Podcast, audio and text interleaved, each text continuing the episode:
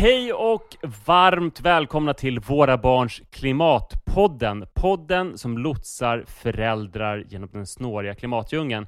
I dagens avsnitt ska vi äntligen prata om skolan. Och vi ska prata med en expert på ämnet, nämligen Kajsa Kramming, som är expert både på skolvärlden och det som kallas för lärande för hållbar utveckling, som förkortas LHU. I sin avhandling från 2017, Miljökollaps eller hållbar framtid, utforskar hon hur unga tänker och känner inför framtiden. Vi pratar med Kajsa om varför barnen lär sig om klimatet i skolan och hur duktiga skolorna faktiskt är när det kommer till att rusta våra barn för framtiden. Frida, hur är läget? Det är bra tack. Fick du lära dig allting som du vill, som, som rustade dig för framtiden eh, om klimatet när du gick i skolan? Nej, alltså jag tror att jag, jag, tror, om jag drar mig till minnes, att vi pratade om växthuseffekten. Jag tror att det var kanske allt. Erosion? Och sen, er, ja, ja exakt.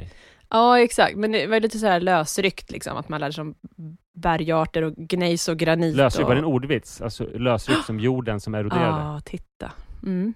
Snyggt. Helt eh, men sen, alltså det, mitt tidigaste minne av någon sorts klimatundervisning eh, fick jag först på universitetet och då hade jag ju liksom valt en eh, kurs vid Uppsala universitet som just handlade om naturresurser. Men det var första gången, då fick jag så här, min första så här, what?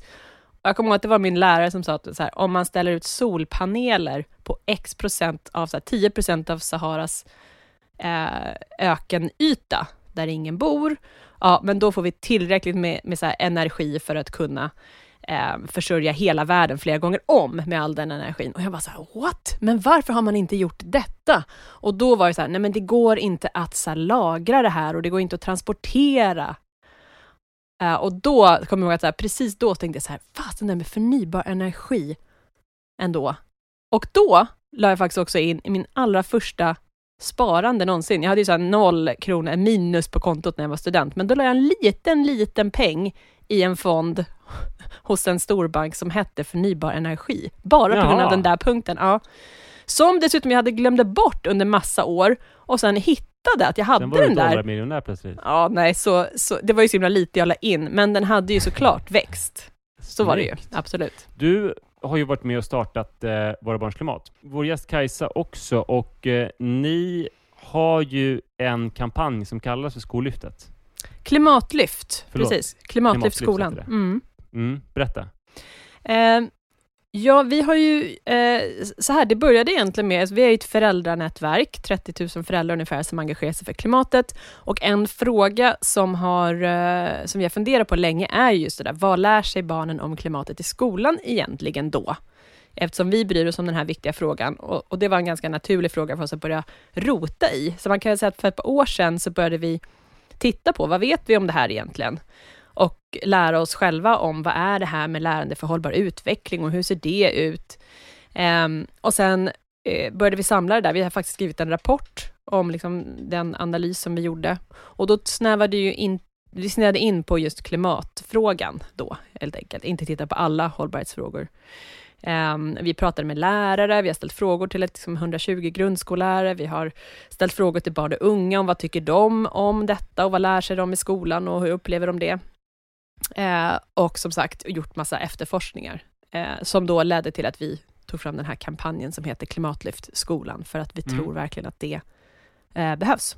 Ska vi göra så att vi släpper in vår gäst? Välkommen Kajsa Kramming. Tack så jättemycket. Så kul att du är med. Eh, du har gjort massa saker som är relevant för ämnet. Du är som sagt med i Våra Barns Klimat och är med i det här klimatlyftssatsningen. Du har skrivit eh, nationella prov och du har skrivit en avhandling, den här miljökollaps eller hållbar framtid. Och så eh, är du är kulturgeograf. Mm, det stämmer. Eh, och sen så, du måste också nämna, det är kanske snäppet off topic, men att du romandebuterar väldigt snart. Det gör jag. Jag kommer romandebutera med en klimat good här fram i maj.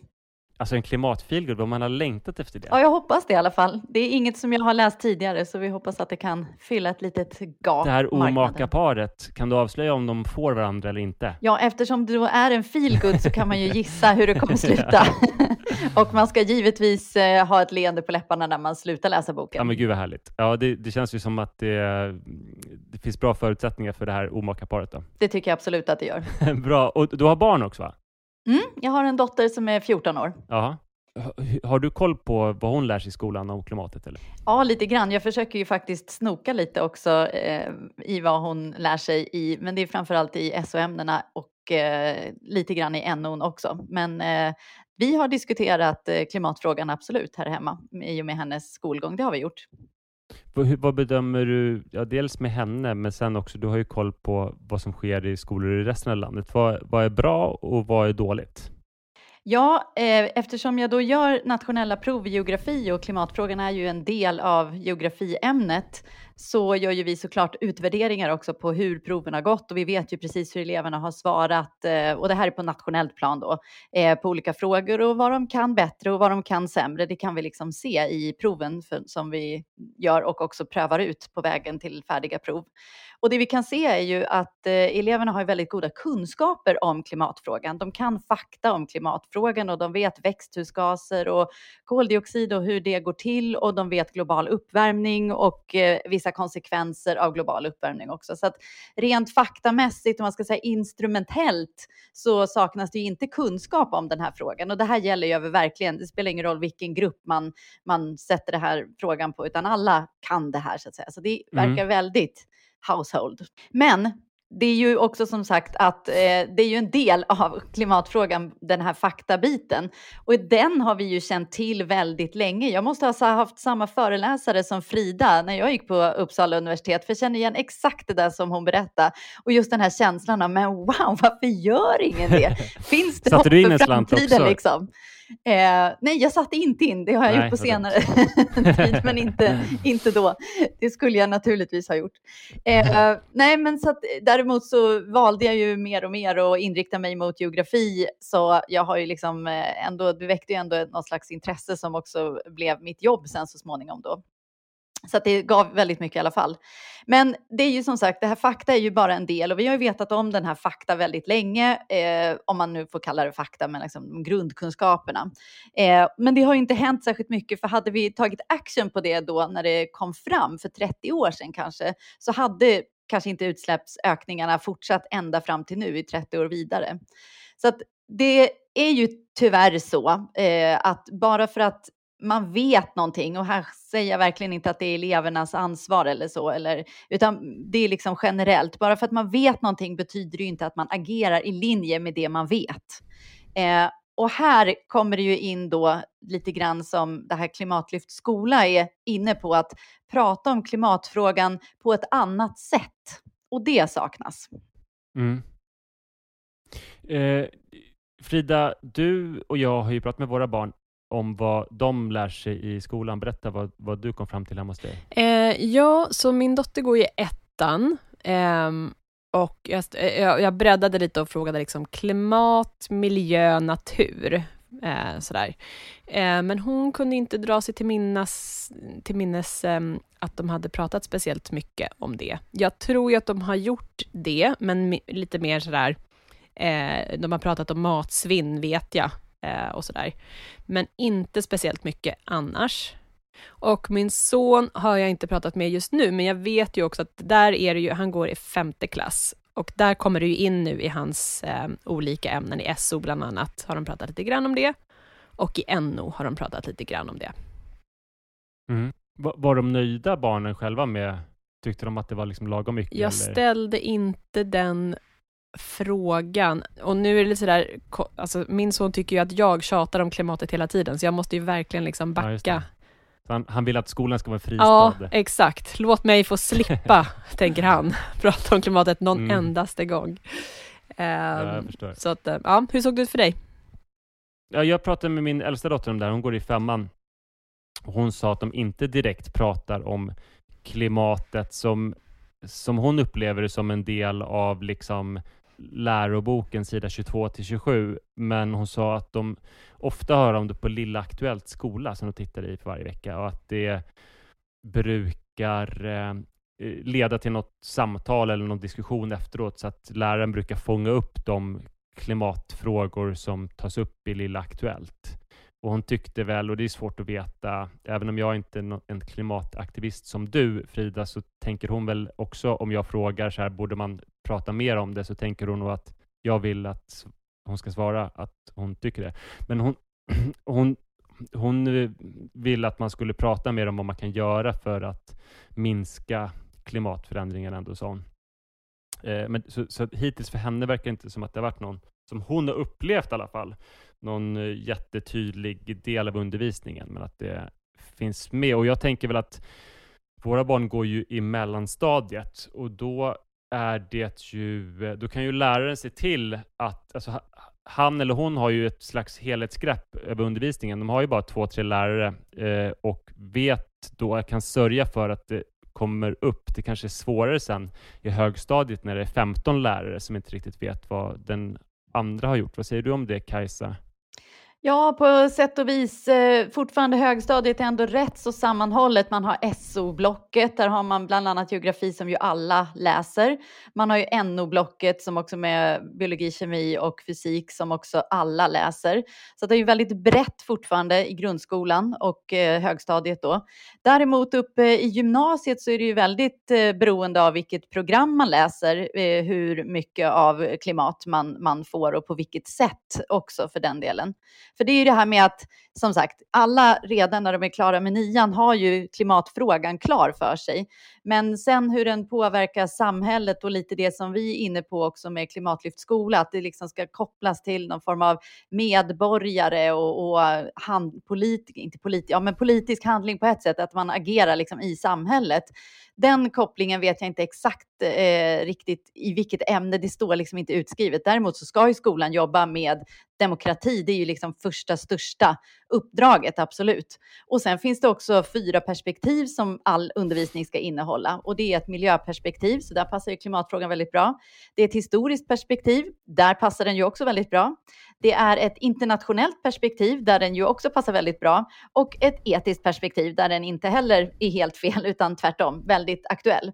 Så i de här fyra perspektiven som gäller som står i läroplanen för både grund och gymnasieskola så finns det verkligen stöd att jobba med klimatfrågan, absolut, på alla, liksom, alla stadier. Men ska skolan eh, berätta om, eh, alltså skolan ska ju berätta om eh, problem i samhället, till exempel lika behandling så ska man prata om typ eh, strukturell diskriminering och rasism och sådär. Men ska skolan också berätta om hur man kan lösa problem? Ska, alltså, ska, ska skolan stå för någon slags problemlösning? Så här, rasism finns, gör det här för att motverka den. Klimatförstöring finns, gör det här för att motverka den. Eller ska man bara berätta om problemet och sen så får var och en av eleverna dra sina slutsatser? Det är lite både och det där. När man gör som du beskriver så kallas det ju för normativ undervisning och det här har man gjort studier och undersökningar på och tittat just med klimatfrågan. Och då har det visat sig att det är väldigt normativt. Eh, det vill säga det som, nu vet jag inte exakt om det är högstadiet, gymnasiet, men om man säger generellt överlag, så handlar det mycket om att Eh, och det såg även jag i min avhandling, eleverna är jätteduktiga på att veta att man ska sortera sina sopor, det är något man alltid återkommer till. Panta, också jätteviktigt. Plocka skräp, många som också nämner. Och andra sådana här saker, äta mer ekologiskt, äta mer vegetariskt. De här sakerna känner eleverna till. Det såg jag i min avhandling och det syns i mycket annan forskning också. Och det är lite mer det beteende, lite mer normativt, så här ska vi lösa frågan. Men mm ett, det är ju bara vad individen själv kan göra. Och två, mm. och det som de här som jag hade med i min studie, de var ju 17-18 år, så de gick ju på gymnasiet. De ifrågasatte ju nyttan med det här. Blir det verkligen en bättre värld för att jag plockar skräp eller för att jag sopsorterar? De här problemen är ju enorma. Kan vi verkligen lösa det med sopsortering? Så där får man ett glapp liksom och elever är ju väldigt smarta. De inser ju det här glappet eh, och känner att det är liksom, de tyckte ju att det var otillräckligt, de här som lite äldre eleverna som kunde reflektera då i min avhandling. Eh, så att det ska man ju kanske inte göra, ja och nej. Den typen av undervisning har ju nu också pågått under ganska många år och vi har ju som sagt, det borde ju ha, de som har fått den här borde ju vara vuxna nu och företagsledare och politiker och allting sånt. Så de borde ju ha haft, liksom då i sånt fall fått verktygen att lösa de här frågorna i sin yrkesroll, vilket vi inte riktigt ser. Eh, så därför så, men samtidigt så kan man liksom ge eh, vad kan man säga, förslag på ramar, men kanske innehållet ska vara mer upp till individen. Så är du intresserad av en viss politisk fråga eller är du intresserad av föreningslivet eller är du intresserad av fackföreningslivet eller någonting annat? Hur, vad är du för aktör liksom? Nu är det jättesvårt att göra för ungdomar, men att de tänker sig när de blir vuxna, hur de kan agera i den roll de har liksom i samhället. Ja, men det kanske man också berättar om i samhällskunskapen hur eh, aktivism och politiskt engagemang ser ut, va? Det bör man ju göra eftersom man har ett så starkt demokratiuppdrag till exempel, tänker jag. Så det är klart att man kan prata av det. Jag vet dock inte om man pratar så mycket just om aktivism. Kanske man gör nu. Det eh, gjorde, jag undervisar som, eller jag är samhällslärare också. Och mm. eh, jag pratar inte mycket om det när jag jobbade som samhällslärare. Men det var ju ett tag sedan nu superspännande liksom hur, hur mycket typ verktygslåda det ska vara och hur många fallgropar det finns när man blir erbjuden den där verktygslådan. Men vad är eh, LHU? Alltså LHU är ju lärande för hållbar utveckling och det är ett enormt stort begrepp. Eh, det innefattar nämligen hela hållbar utveckling och det är ju alltså långt mycket mer än klimatfrågan och man kan ju härleda LHU till exempel om man vill konkretisera det lite så finns ju de globala hållbarhetsmålen som är 17 stycken och det som innefattar som de globala hållbarhetsmålen handlar om kan man säga, det innefattas då i lärande för hållbar utveckling. Och sen går ju alla de här 17 målen att koppla till varann så man kan ju koppla klimatfrågan till de flesta av de andra målen men de går ju också att koppla ihop sinsemellan utan klimatfrågan så att säga. Så det är lärande för hållbar utveckling och det handlar ju om både ett innehåll, vad eh, läraren ska ta upp för någonting. Men det handlar ju också om hur man ska lära ut det här och då eh, är det förslagsvis att man använder metoder som är ämnesövergripande, jätte, jätteviktigt att man jobbar tvärvetenskapligt, att man kanske jobbar med ett eh, eh, case av något slag och man får ta reda på olika saker och se hur saker hänger ihop, mycket systemtänkande. Det handlar mycket om att lära sig att koppla ihop saker och se hur de hänger ihop. Men det kan också handla om att se en framtid. Hur kan en framtid se ut? Hur ser en hållbar framtid ut? Och vad behöver vi göra liksom i samhället för att ta oss i den riktningen? Eh, det kan handla om att diskutera värden och det kan handla om också hur man som person eh, eller organisation eh, liksom nätverkar för att få de här sakerna att hända strukturellt också i samhället, inte bara i sitt eget hushåll. Ehm, och det här får man ju naturligtvis anpassa till åldern på, på eleverna, givetvis. Men det finns ju väldigt mycket roligt att göra och man kan också måste inte stanna all kunskap i skolan, utan man kan också vända sig till det omgivande samhället och samarbeta med företag eller kommun eller liksom aktörer utanför skolvärlden också, eh, för att få ett lite mer integrerad kunskapsutveckling.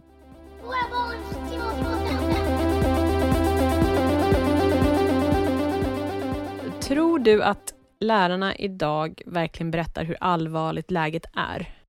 Jag vågar inte säga det, men jag vet inte om eh, alla själva riktigt förstår hur allvarligt läget är och verkligen förstår, man kan ju läsa och se och förstå att, eller liksom höra orden att om 20 år så kommer det hända det här och det här med skördar och om 30 år så kommer det hända det här och det här med.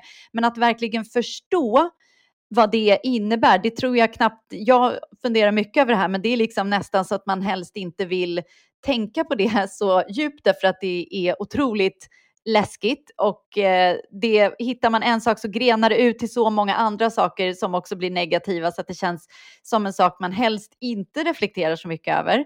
Eh, och att sen då dessutom ha den insikten och försöka förmedla det till eleverna på något vettigt sätt utan att eh, skrämma dem eller få dem handlingsförlamade.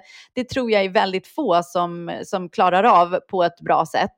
Så att jag tror att eh, det tror jag, jag tror nej, men jag tror inte att det är medvetet vi ska undanhålla det här, utan jag tror att vi lite till mans inte talar om hur allvarligt läget är i alla situationer, därför att det är så pass svårt. Men så du tror inte att det är riktigt önskvärt heller, att man skulle börja Nej, för jag tänker också att eh, eh, vi har hört flera lärare som har sagt att, att så här, ja, men, vi ska ju liksom inge hopp och framtidstro och, och då blir det också, det blir svårt att undervisa om liksom, den fulla vidden av klimatkrisen när man samtidigt har liksom det uppdraget och ska skicka med det. Så vi har hört det, dels från lärarhåll att det, att det kan vara ganska svårt. Eh, och sen tänker jag också på, vi hör ju också från till exempel de allra mest engagerade eh, klimatstrejkande ungdomarna, de är ju jättearga för att vuxna inte har berättat sanningen. Att man har skilt över och hoppat över och liksom pratat om återvinning, men inte har liksom berättat sanningen. Så det finns ju den aspekten också.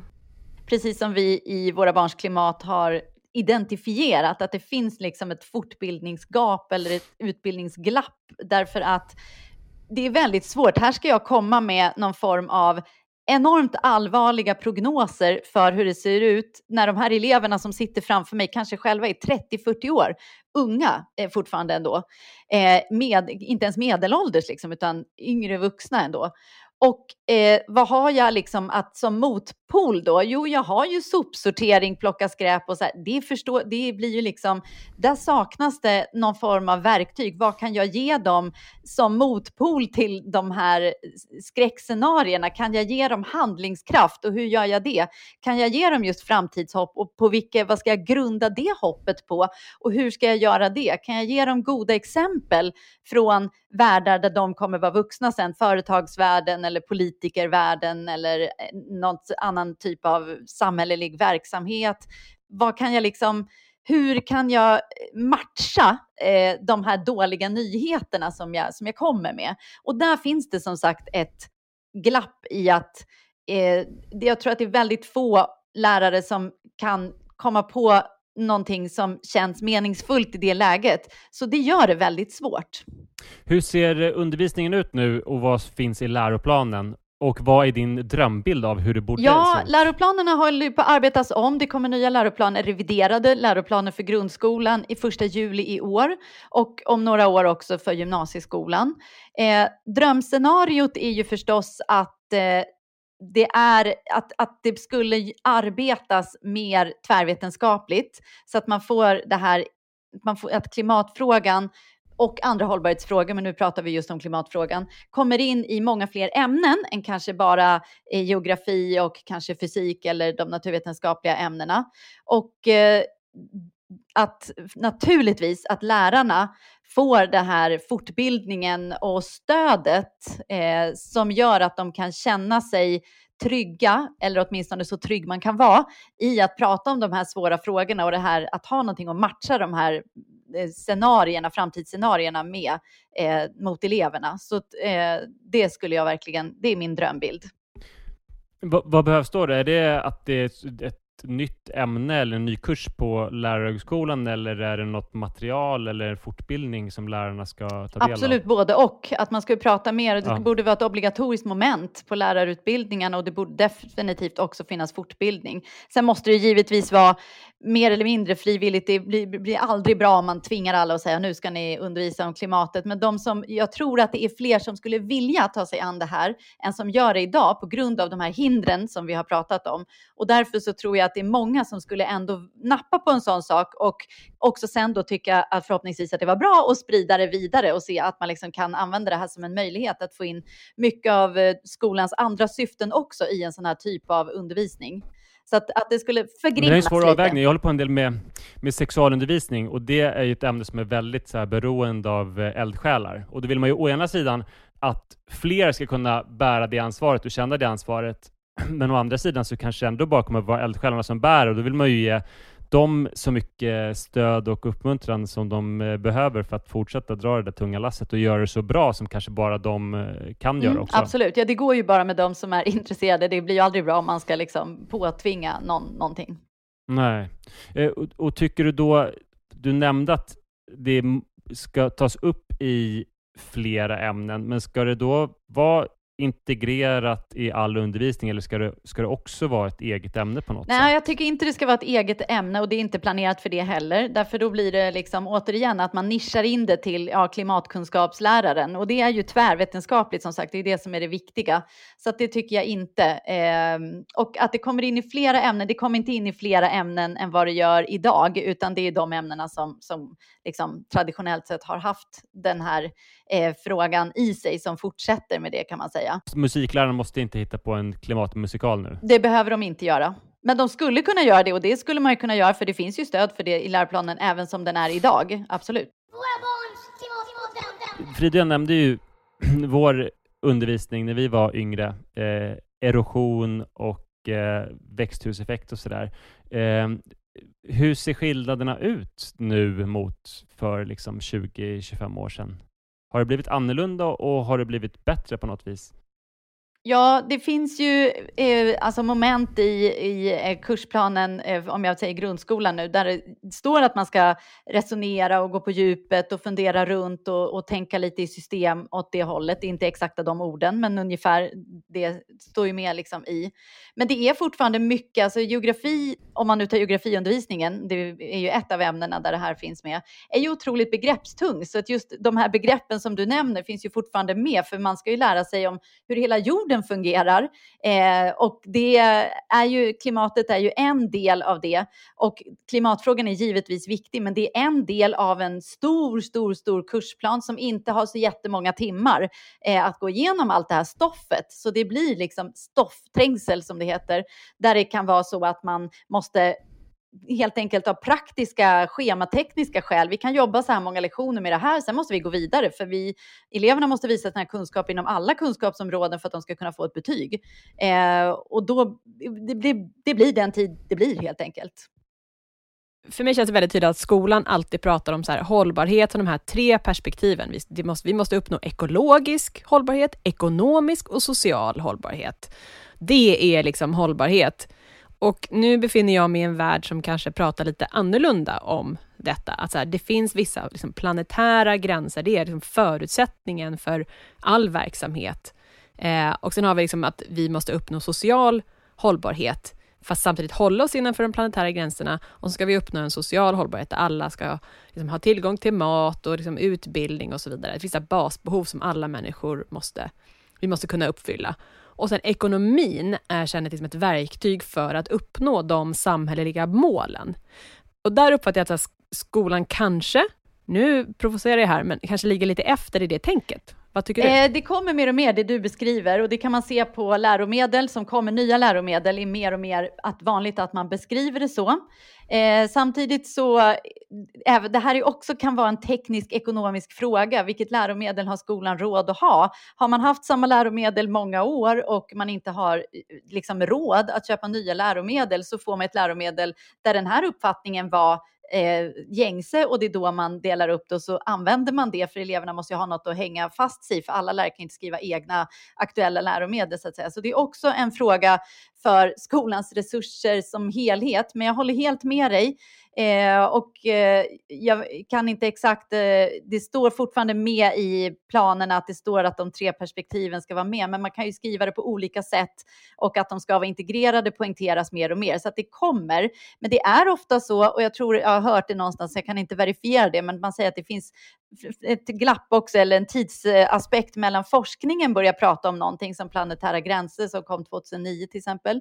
Eh, och innan det kommer ner i undervisningen och kommit igenom hela processen ner i läroplaner och så vidare så tar det ungefär 20-30 år. Herregud. Så det är en lång resa liksom.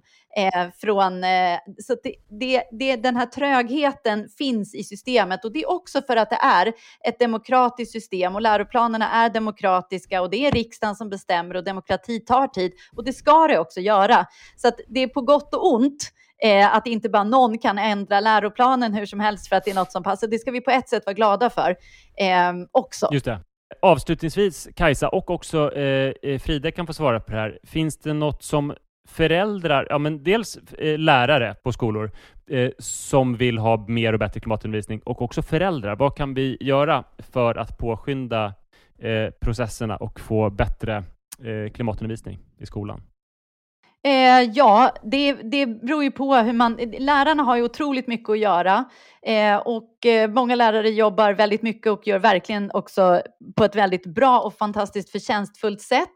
Så det är ju givetvis bra att ge läraren stöd för att jag tycker det var roligt om du pratar om klimatet och så. Men det är väldigt svårt att lägga det här ansvaret på den enskilda läraren. Utan det här skulle man ju då snarare ta upp kanske med eh, rektor eller till och med skolhuvudmannen. Alltså fråga vad, vad har ni för policy för att vad ska eleverna i den här kommunen lära sig i den här frågan? och så vidare. Det kan vara lite svårt att få tag på de här personerna, men eh, det är liksom egentligen där som det hela förändringen måste komma ifrån. Om man inte ska gå via eldsjälarna och det kan man ju naturligtvis också göra. Men det blir inte, inte riktigt lika övergripande förändring. Rektor det. eller huvudman. Och vad ska man eh, säga till de här personerna? Ja, jag tycker man kan säga att man är oroad för eh, scenariet som vi har. Mm, man kan ange senast IPCC-rapporten och man kan fråga liksom, hur tar ni hand om de här frågorna i skolan och kräva konkreta svar. Vad gör ni? Vad ger ni skolorna för möjligheter att fördjupa sig i det här? Vad gör ni för att konkret för att eleverna ska känna sig rustade för att leva i den här världen och så vidare. Jag tror att ganska få har konkreta svar på det, men det är å andra sidan väldigt viktigt för det måste de ju då tänka till innan de svarar dig så att säga. Så att det kan vara ett bra sätt att få igång en tankeprocess i, hos de instanserna. Eh, jag tänker precis som, som Kajsa säger, att så här, eh, lärarna är ju otroligt liksom, överbelastade och gör så, så, gott de kan med liksom, de verktyg och förutsättningar de har.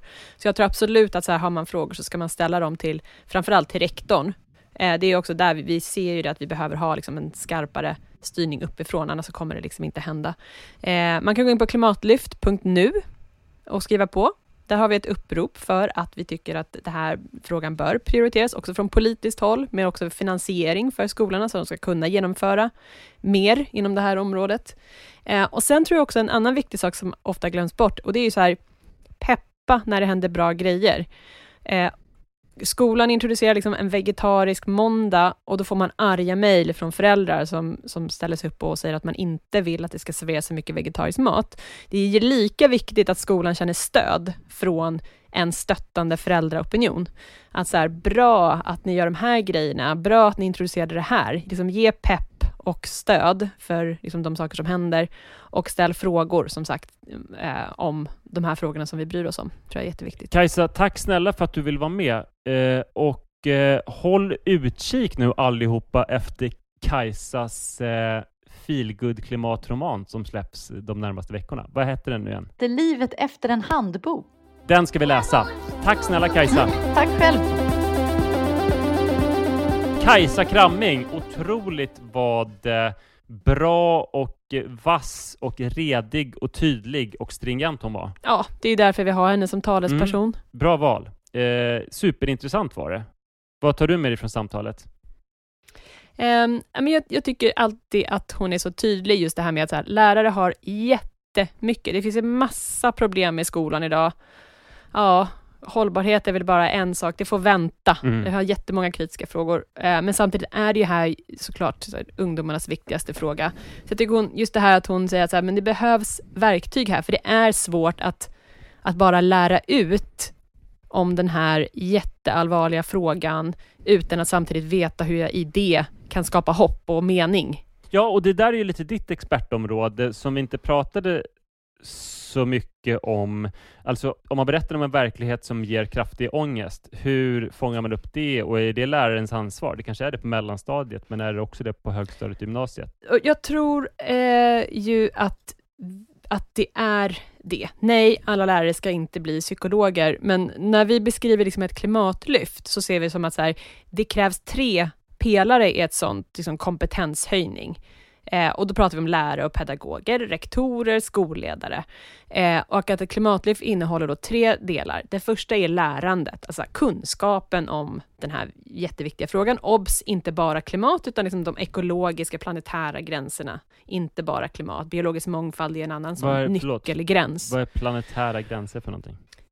Ja, det här kommer ju från liksom, eh, Johan Rockströms eh, forskning bland annat, som beskriver liksom, att det finns liksom, olika nyckelgränser som vi inte kan bryta igenom, utan att vi riskerar att tippa in jorden i ett, ett, ett, ett, ett nytt tillstånd, där vi har brutit igenom ganska många redan nu.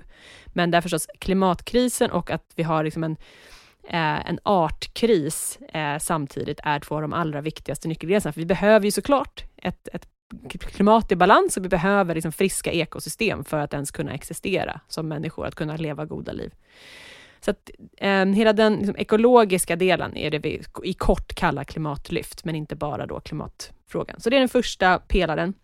Den andra handlar just om måendet, så samtidigt som vi, vi liksom undervisar om de här frågorna, så måste vi också kunna ha en diskussion om att prata om hur vi faktiskt känner inför det här. Det handlar ju om lite andra typer av diskussioner, att inte bara man lär sig något och så berättar man vad lösningen är och så går man vidare, utan så här, okej, okay, vi pratar också om måendet och våra känslor kopplade till det. Och där ser vi att det saknas strategi. Vi har gjort en lärarbarometer bland annat, som visar just på att här, vi, kan inte, vi, har, vi har inte hittat några skolor som har konkreta liksom, strategier för hur man ska hantera framförallt de som är väldigt oroliga idag eller, eh, eller arga, frustrerade, liksom, sorgsna över det som pågår och det man lär sig. Så att måendet är den andra viktiga pucken. Och sen den tredje pelaren handlar om handling. Mm. Och det är en väldigt stark koppling. Alltså, vi måste som Kajsa var inne på, att bredda det från att så här, vi ska göra saker själva, vi ska återvinna mer papper och äta mindre kött, utan så här, okay, vi måste bredda den här menyn av olika typer av handling och erbjuda elever många sätt att engagera sig i frågan. Allt ifrån det individuella till liksom andra typer av, av mer kollektivt engagemang och så vidare. Så att lärande, mående och handling är tre eh, delar som vi ser som, som är kritiska för att vi ska kunna göra det här liksom, mm. klimat. Superbra, och du jobbar just med att göra ett klimatlyft i en mellanstadieskola i Lund? Ja, precis. Tillsammans med klimatpsykologerna så, så genomför vi just ett sånt här klimatlyft och då, då kan man säga att vi ger ungefär 60 lärare och pedagoger en crash course i klimatet och det är allt ifrån liksom, forskningen bakom, eh, liksom att lära sig mer om klimatkrisen och vad den innebär, vi pratar om beteendeförändringar, vi pratar om psykologi, eh, vi pratar om kommunikation, vi pratar om allt möjligt kopplat till klimat. Så tanken är att vi ger lärare och pedagoger sån här klimatkompetenshöjning inom det här ämnet. Och sen mäter vi också då vad som händer i en elevgrupp med ungefär 300 elever. Och det här är elever mm. mellan 10 och 12. Och det här tycker jag är en intressant målgrupp för att Eh, idag så finns det ingen data på till exempel hur långt ner i åldrarna klimatoro går. Utan när man, de, de, de allra flesta undersökningar som tittar på hur unga tänker och känner för klimatet, både i Sverige och internationellt, så tittar man på 12 år och uppåt. Eh, och jag är helt övertygad om att det är väldigt många barn som är väldigt oroliga längre ner i åldrarna. Eh, men det vet vi ingenting om. Så att det här är liksom den första gången som vi också får data på hur tänker just 10 till 12-åringar, 300 stycken, om den här frågan. Och ett tidigt liksom, resultat är ju att i den här första undersökningen vi har gjort, och då har lärargruppen rapporterat att de inte ser att barnen är, är oroliga, men när eh, eleverna själva har fått svara på en enkät så är 60% oroliga. Det är en väldigt hög siffra. Nu vet vi inte så mycket mer än så, än vi har inte analyserat det här och vi är inte klara med pilotprojektet, men det är ändå en indikation att det faktiskt, att vi tror att det ligger liksom en, en oro eh, och, och bubblar hos många unga som man inte alltid pratar om, som inte kanske är synlig eh, såklart Nej. till vardags, när det är massa annat i vardagen. Men det här kunskapslyftet då, hur mycket tid eh, behövs för att en eh, average mellanstadielärare ska få ett ordentligt lyft? Hur mycket ska de läsa? Hur mycket ska de lyssna och sådär? Hur mycket ska de förkovra sig? Um, Ja, det är precis det vi, vi testar. Nu, nu, försöker vi liksom hitta ett sätt att göra ett sånt här kompetenslyft som förstås passar in i skolans verksamhet med den tid som finns. Det finns så här liksom olika APT-tider eh, och så som vi har tillgång till. Så att första liksom tillfälle, vi har sex tillfällen tillsammans med den här gruppen under en termin. Och då är det liksom ett par gånger tre timmars pass och sen så är det eh, några kortare liksom, föreläsningstillfällen och så får de lite olika liksom, uppgifter däremellan. Och en av de viktigaste sakerna de får göra nu är att vad händer om vi kopplar in den här elevgruppen i att eh, att, att engagera sig i mer kollektiva handlingar, alltså titta, titta bortom det här individuella perspektivet. Vad händer då? Och så kommer vi också mäta då i slutet och se uppfattar den här elevgruppen att de är mer eller mindre oroliga, nu när vi har pratat, pratat mer om frågan och gjort saker för klimatet, eh, och, och känner de liksom en, en mening eh, i, liksom, i, i vardagen. Så de sakerna kommer vi komma tillbaka till sen när vi, får, när vi har avslutat projektet. Det här låter ju otroligt bra. Mm. Kan man på något vis stötta ert initiativ? Ja, man kan alltid swisha våra barns klimat en summa så vi får lite mer muskler, men just, just nu är vi liksom mitt uppe i det här um, och, och vi kommer ha liksom resultaten fram i juni. Uh, och då hoppas vi på att det blir en, en, um, en mer diskussion kring just hur vi har gjort det här och vad, och vad slutsatserna är, för det kommer vi först veta då och kunna dra lite slutsatser. Kan man, eh, om man inte har eh, särskilt mycket pengar på kontot, kan man skriva ja, på någon precis. petition? Eller? Absolut. Det, alltså det man kan göra är lite det jag var inne på tidigare, alltså att eh, dels på, om man går in på klimatlyft.nu, så kan man dels skriva på att man backar den här idén om att det bör ske ett klimatlyft eh, för skolor och att det förstås bör finnas ett politiskt stöd och finansiering och så vidare för att sätta strålkastarljuset på den här frågan. Eh, och sen att man faktiskt också kan mejla sin, sin rektor och ställa frågan. Alltså, det här är en fråga som jag bryr mig mycket om, är engagerad i. Hur tänker ni eh, kring det på den här skolan? Berätta för mig hur ni jobbar med den här frågan. Bara de typerna av frågor är jätteviktiga. Och vi vet ju att skolan är väldigt känslig förstås eh, för eh, mejl och, och så vidare från föräldrar.